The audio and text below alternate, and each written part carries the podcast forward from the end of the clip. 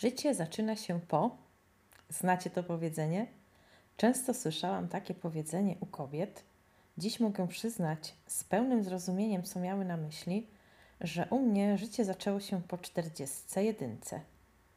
Natomiast tak naprawdę nie jest istotne, po których urodzinach odradzamy się na nowo i czujemy, że to nowy początek naszego żywota.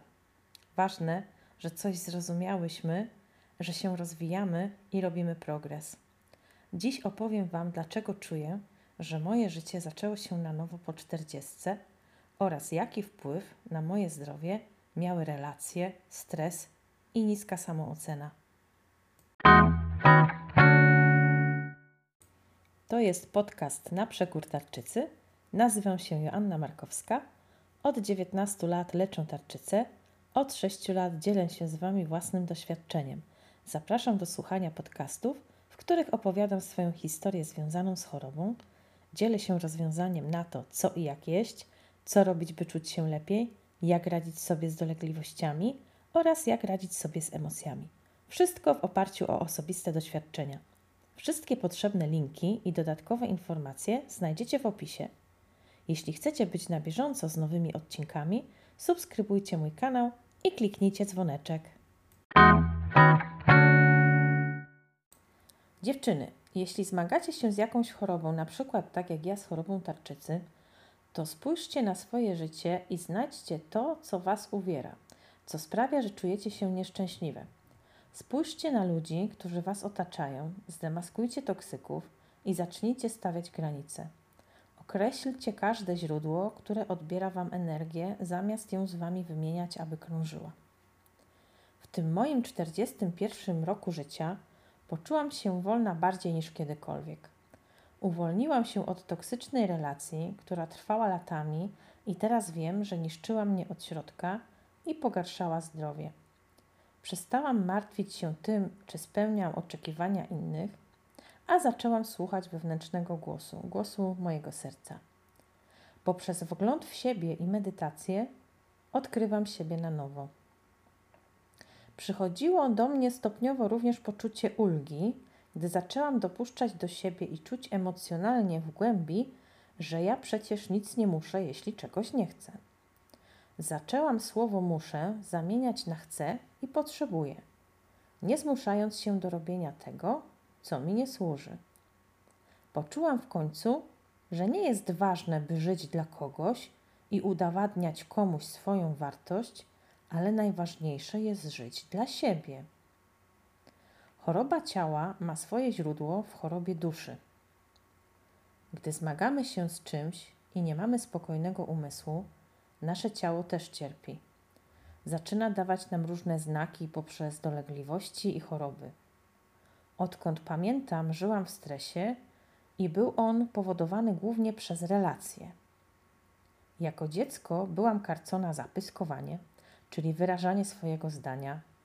Tata powtarzał: Pomyśl dwa razy, zanim coś powiesz. Nie chciałam już słuchać uwag i krytyki rodziców, więc zaczęłam tłumić uczucia i emocje, skrywając myśli.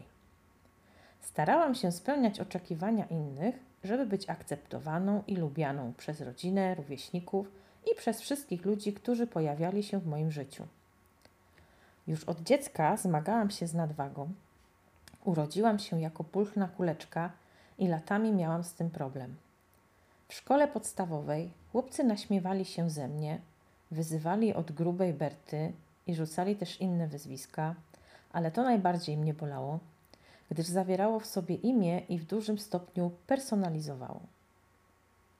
Wciąż czułam się nie taka, jaka powinnam być według innych.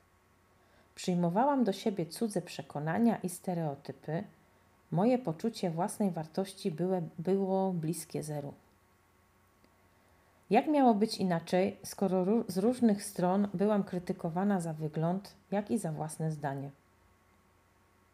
Zamykałam się w sobie, większość czasu spędzałam w domu, bawiłam się z młodszym bratem, rysowałam i czytałam książki.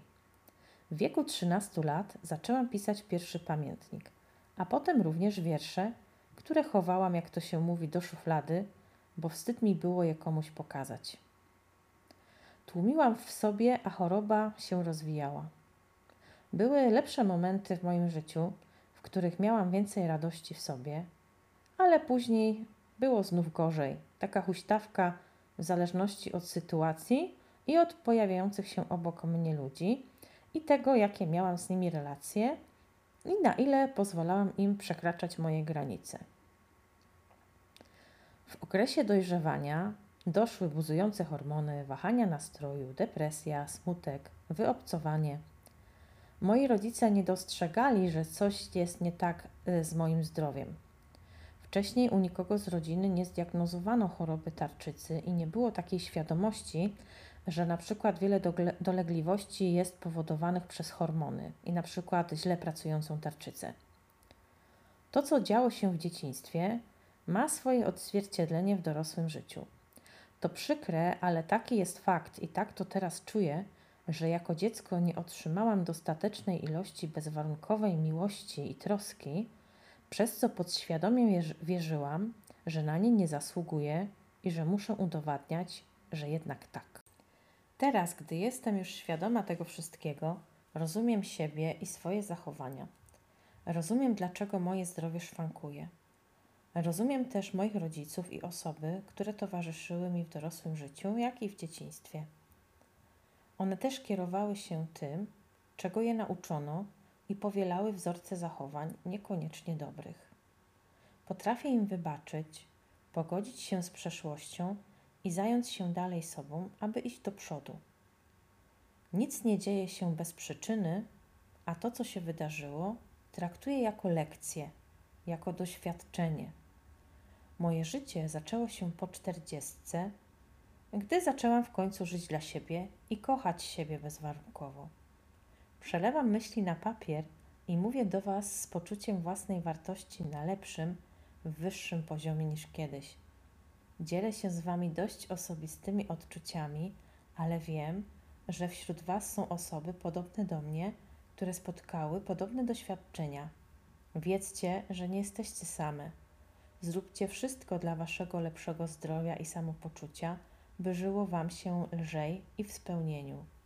Zadbajcie o otoczenie, o to, jakimi ludźmi się otaczacie. Róbcie jak najwięcej rzeczy, które sprawiają, że jesteście szczęśliwe. Karmcie się dobrymi emocjami, zdrowymi relacjami i jedzcie zdrowo. Poszukajcie dla siebie najlepszego rozwiązania.